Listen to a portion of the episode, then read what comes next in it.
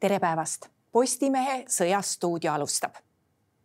viimased nädalad on Ukrainas rindel olnud suhteliselt rahulik. kõik ootavad seda aega, kui maapind ära külmub, et siis võiks taas jätkata suurema sõjategevusega. meil on stuudios strateegilise kommunikatsiooni ekspert Peeter Tali, tere päevast. tere vabast Eestist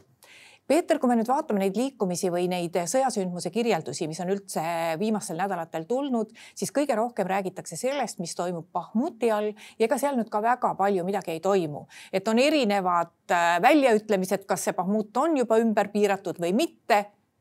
aga mida see annaks, et kas seal on venelaste selline liikumise peamine mõte selles, et hoida siiski ukrainlasi ka kinni selles paikkonnas? Küsimusele on täitsa nagu ära vastatud, võiks võtta järgmise küsimuse, aga ja,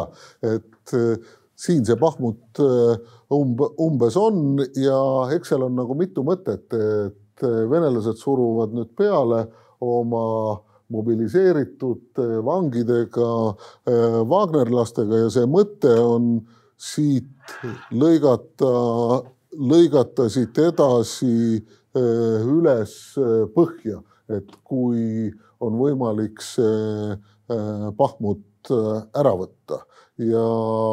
neil mingisugune taktikaline edu seal on ja nüüd on lootus, et kui suruda, et siis äh, taktikaline edu pöörata edasi operatiivtaktikaliseks eduks ja tekitada ukrainlastele probleeme. ja teine asi on äh, muidugi, et äh, väed on vabanenud Hersoni alt, see ukrainlaste surve Nad on osa vägesid ära liigutanud ja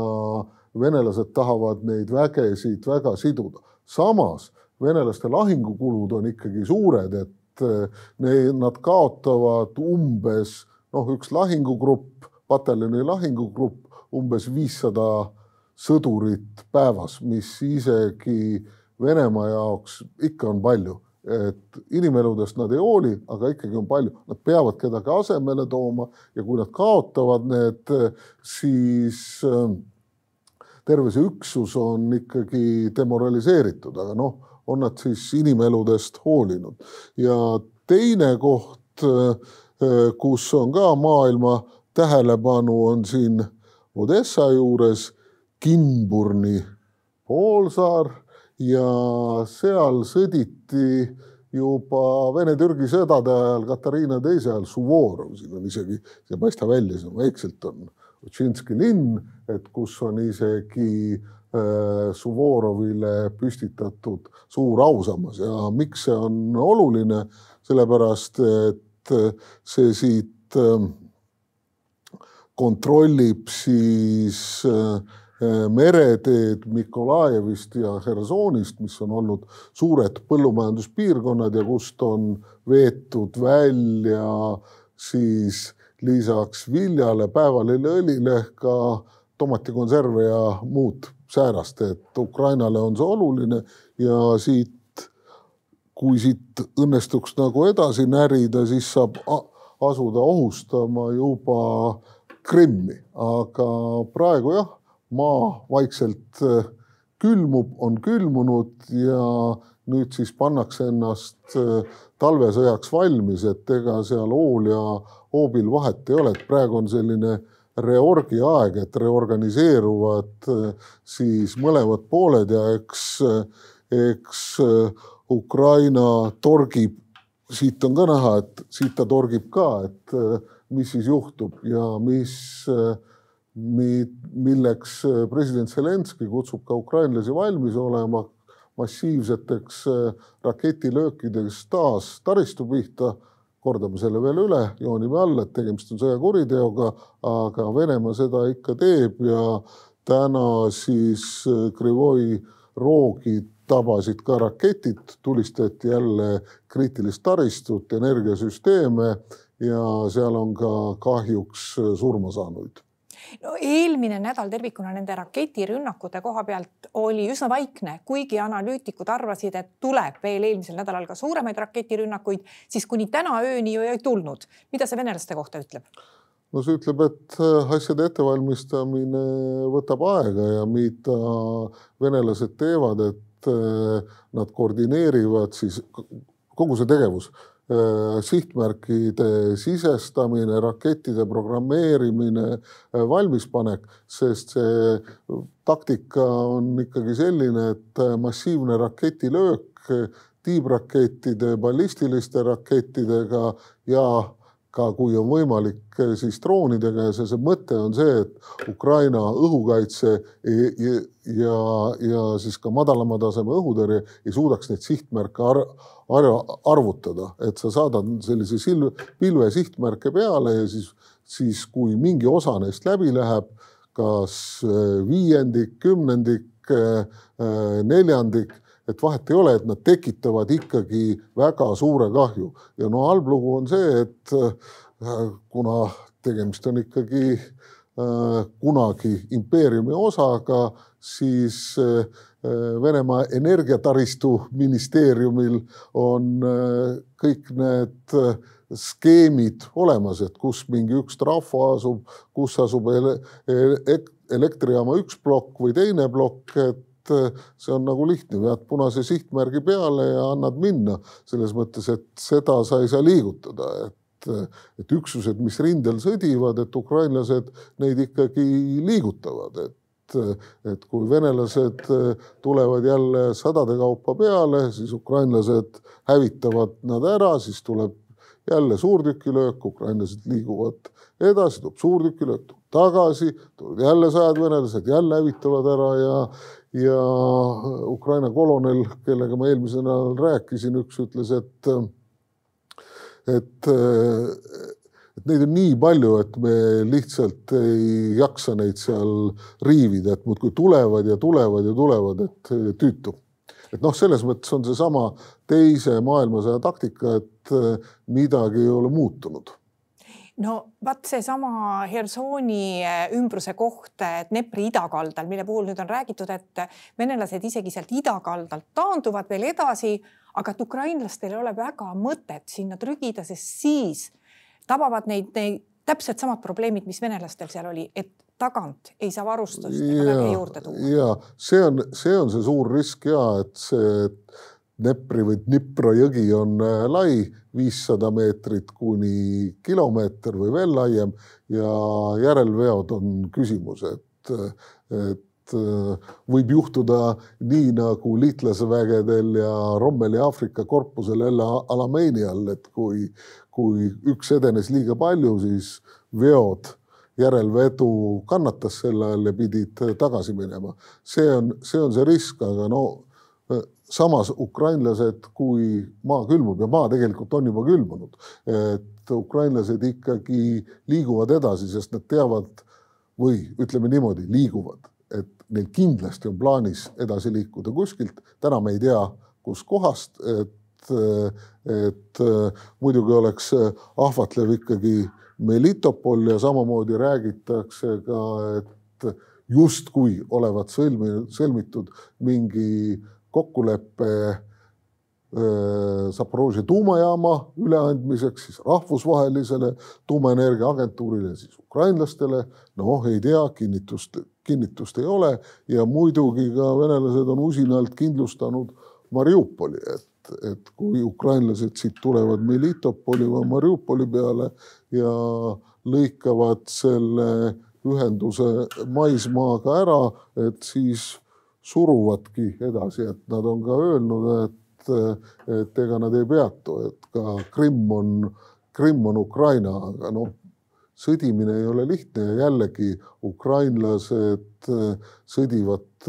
targalt ja oma ressursse ja inimelusid säästvad.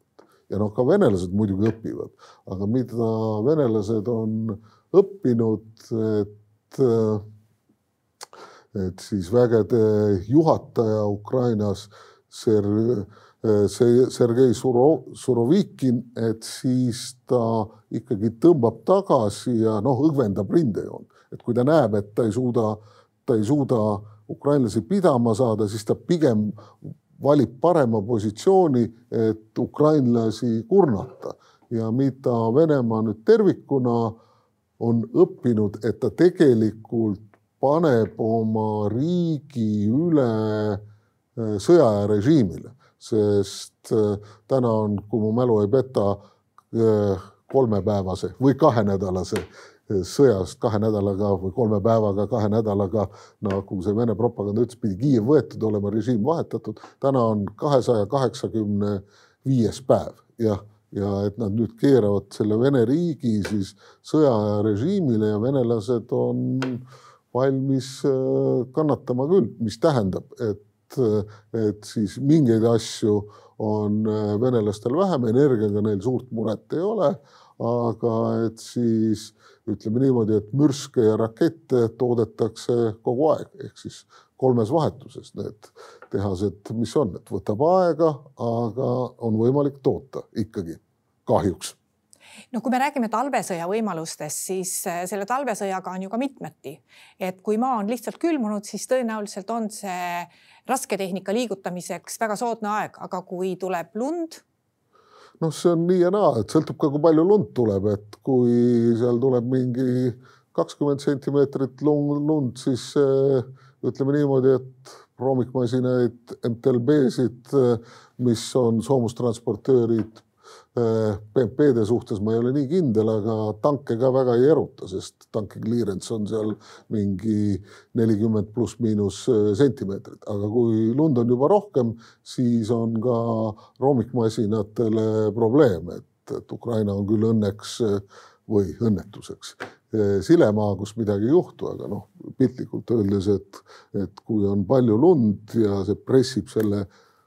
tanki siis nii-öelda kõhu alla kinni, roomikud ei jõua äh, maapinnani ja ei saa lähe kuskile ja kui sa oled mägedes, siis sõidad tankiga äh, nagu kelguga alla. Ükskord ajateenistuses minuga juhtus nii, ei olnud meeldiv tunne, aga õnneks see tank sai ikka kuidagi pidama. no ja, ja, ja mis on teine asi, et kulud on palju suuremad. Ehk siis sul kulub logistilist tuge talvesõjas rohkem, sest sa pead äh, sooja saama. Ja kui on temperatuur plussis, on kõik hästi, kui on temperatuur miinustes, et äh, see ruineerib ja üks asi võtab sõduritel motivatsiooni maha, aga teine asi, neil kulub energiat, nad peavad sooja saama ja nad peavad ka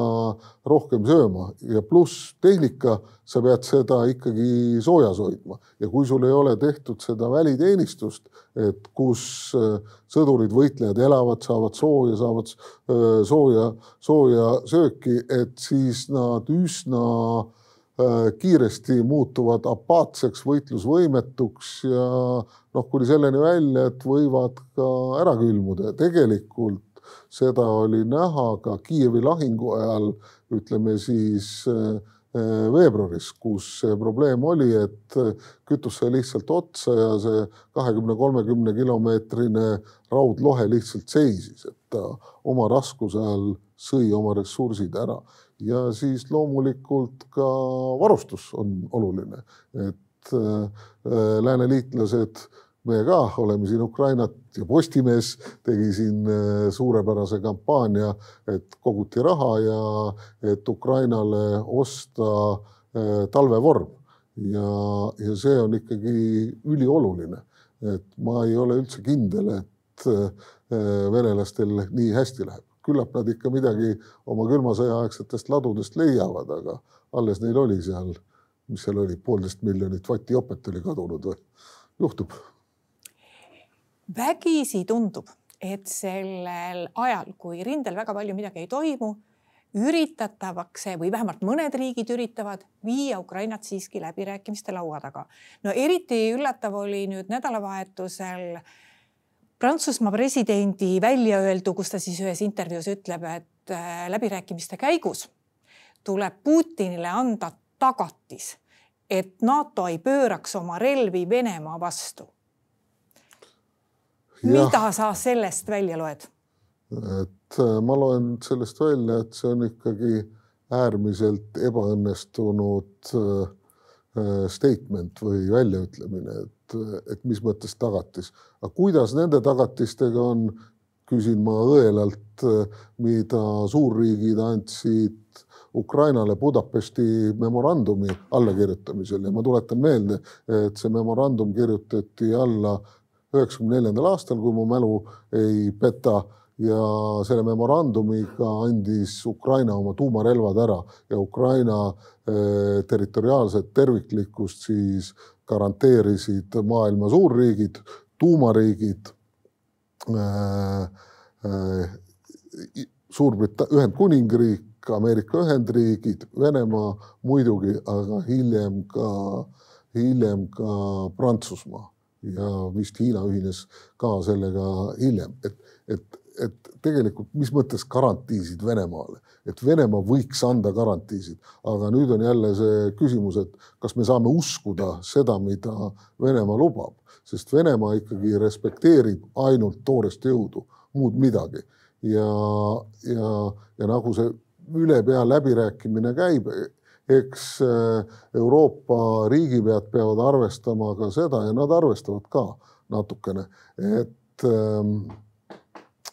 majanduslik olukord ja energiakandjate kõrged hinnad äh, viivad nende populaarsust alla, aga samas Ukrainal on elu ja surma küsimus ja see, mis seal täna ikkagi äh, toimub, on kohutav, et seda võib võrrelda äh, põhimõtteliselt samasugune õudus oli Ukrainas teise maailmasõja ajal. kõik need küüditamised, kohtuta tapmised, vägistamised, röövimised, et see oli siis. no enne teist maailmasõda ka, kui äh, kommunistid ja bolševikud seal märatsesid ja oli Holodomor et siis Ukraina rahva käsi käis ka halvasti, aga, aga seda võib võrrelda sellise mastaapse teise, teise maailmasõja hävitustööga, mida pani siis toime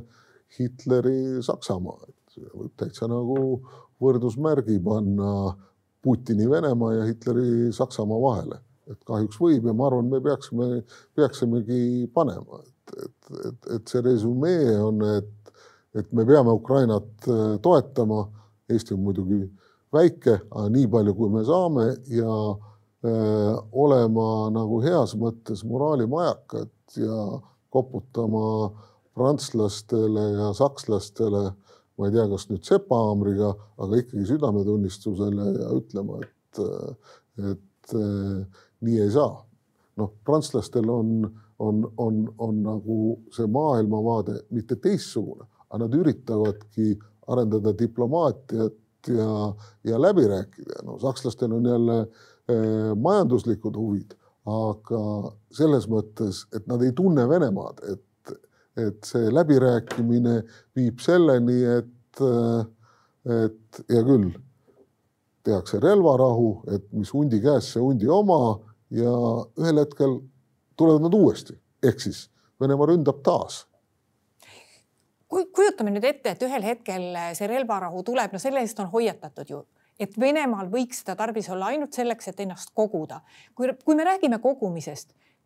kui pikk see ajavahemik võiks olla, millal Venemaa suudab ennast koguda? no ma ei ütle nüüd, et äh, sõjaeelsele tasemele, Ukraina sõja alguseelsele tasemele, aga koguda kasvõi nii palju, et tal hakkaks natukenegi paremini minema.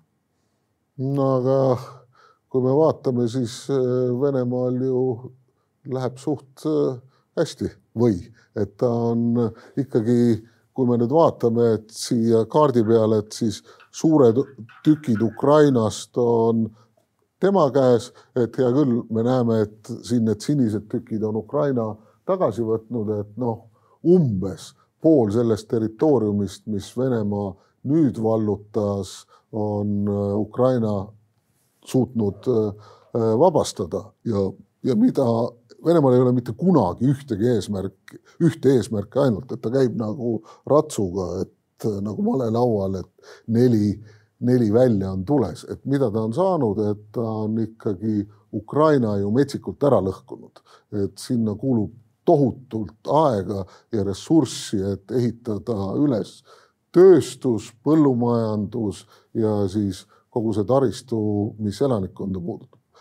piisab, kui öelda, et kakssada haiglat on maa pealt pühitud, noh, tervishoiusüsteem, kakssada haiglat on maa pealt pühitud, aga, aga pluss veel muud asjad, siis on tekitanud äh, probleemi äh, äh, sõjapõgenikega, mida ta siis mõjutustegevusega üritab ka öelda, et ukrainlased teevad seda, teist ja kolmandat ja põhjustavad pro probleeme ja lõhkuda ikkagi liitlasriikide ja lääneriikide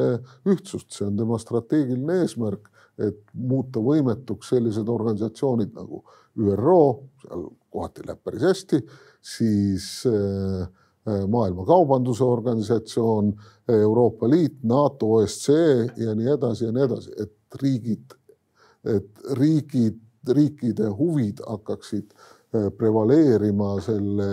eetilise ja positiivse eesmärgi nimel või põhimõtete üle, mis on äh, sõnastatud äh, ÜRO hartas või kasvõi siis Washingtoni leppes, mis on NATO aluslepe, mis ütleb, et me peame hoidma oma tsivilisatsiooni elustiili, et äh, meie alal kunagi sõda ei oleks, et, see, see on Venemaa eesmärk ja, ja kui vaadata, et maavägi on kandnud ikkagi raskeid kaotusi nad on kaotanud üle kolme tankiarmee, põhimõtteliselt õhuvägi on kaotanud ka raskeid, on kandnud ka raskeid kaotusi, üle kahesaja lennuki ja üle kahesaja helikopteri. nüüd merevägi mm,, nii ja naa, aga noh, see ressurss kõik kuskilt tuleb, et äh, no võiks hinnata, et mõneaastast, mõneaastast nagu sellist pausi on neil vaja, et uuesti komplekteerida väeosad ja teha järeldused sellest koslepist, mis nad ukrainlaste käest on saanud. no täna on see ajalooline päev, kui jõustub ülempiir Venemaa naftale. ometi selle ülempiiri number on selline, et äh, lääneriigid võiksid sellega küll rahul olla, et üldse kokkulepe saavutati, paljud neist, aga Ukraina ei ole sellega rahul. Ma arvan, et äh, või ma usun, et me oleme ka suhteliselt rahutud, et äh, liiga hilja ja liiga vähe, et võiks rohkem olla, et äh, et noh, siin erinevad analüütikud on öelnud, et maailmaturu hinnast võiks see olla nagu mingi veerandi võrra vähem või, või siis veel poole võrra vähem, aga, aga tegelikult Indiale ja Hiinale ju Venemaa müüb Äh, märksa odavamalt oma energiakandjaid ja eks noh, Indiaga kaubelda ei ole ka lihtne, et kes on hindudega kokku puutunud, äh, teavad, et äh, äritehinguni jõudmine ei, ei ole, ei ole lihtne. Ja tegelikult, et Venemaale mingit noh, käegakatsutavat mõju oleks, et see barreli hind võiks olla kakskümmend, kolmkümmend dollarit, mitte nagu praegu on kuuskümmend, on ju. et, et siis nad ikka, ikkagi tunneksid ka, sest raha tuleb sisse ja Venemaa nagu on natukene nagu suletud süsteem ka oma rublaga, et kuidagi nad seal elavad ja midagi nad seal toimetavad ja, ja erinevatel andmetel kaheksakümmend protsenti venelasi pole kunagi välismaal käinud, et kõik, mis kesktelevisioonist tuleb, on püha ja ja no mitte püha, aga, aga see on ikka nagu absoluutne tõde ja ja neil inimestel ongi raske midagi muud arvata või tunda, kui pea asemel on televiisor, mis töötab, et siis kõik on hästi ja ajutised raskused Ukraina rindel ju lähevad üle. Ja jällegi venelase nagu arusaamises, ega siis seal ei sõdita ju ukrainlastega, sest ei ole ju võimalik, et nad saavad ukrainlaste, kes Vene retoorikas, seda rahvast pole olemas, riiki pole olemas, et nad saavad niisugune niimoodi korraliku koslepi või, või, või nüpeldada ukrainlaste käest, et see on ikkagi ameeriklased, kellega nad sihivad. Ja nüüd, kus on nagu asi peale keeratud veel, et eh, Vene propagandistid ütlevad, et kuulge, et me peame selle sõja võitma, meil ei ole valikut, muidu nad teevad meile Nürnbergi ja tulevad, võtavad teie kõigi taskust raha ära äh, reparatsioonideks, mis on siis sõjakahjude hüvitamiseks, et, et see oli ka nagu üllatav ekvilibristika, mida ma jälgisin, et ikkagi üritatakse nagu mobiliseerida, et ühest küljest öeldakse, et Ukraina või mitte Ukraina isegi NATO alustas, Ameerika on paha ja nüüd öeldakse, et nad tulevad, võtavad meie raha ära, sest me nagu sõdime. et seal on nagu skisofreenia või, või vähemalt bipolaarsuse häire, aga on siis ebaloogika, asjade mitteloogiline esitamine Kremlit seganud seda rääkimast ja lihtsaid venelasi pannud Kremli sõnades kahtlema. ei, pean ma ütlema kahetsusnoodiga hääles. aitäh, Peeter Tali. ja aitäh ka kõigile neile, kes meid vaatasid. Postimehe järgmine otsesaade on eetris juba homme. seniks lugege uudiseid postimees.ee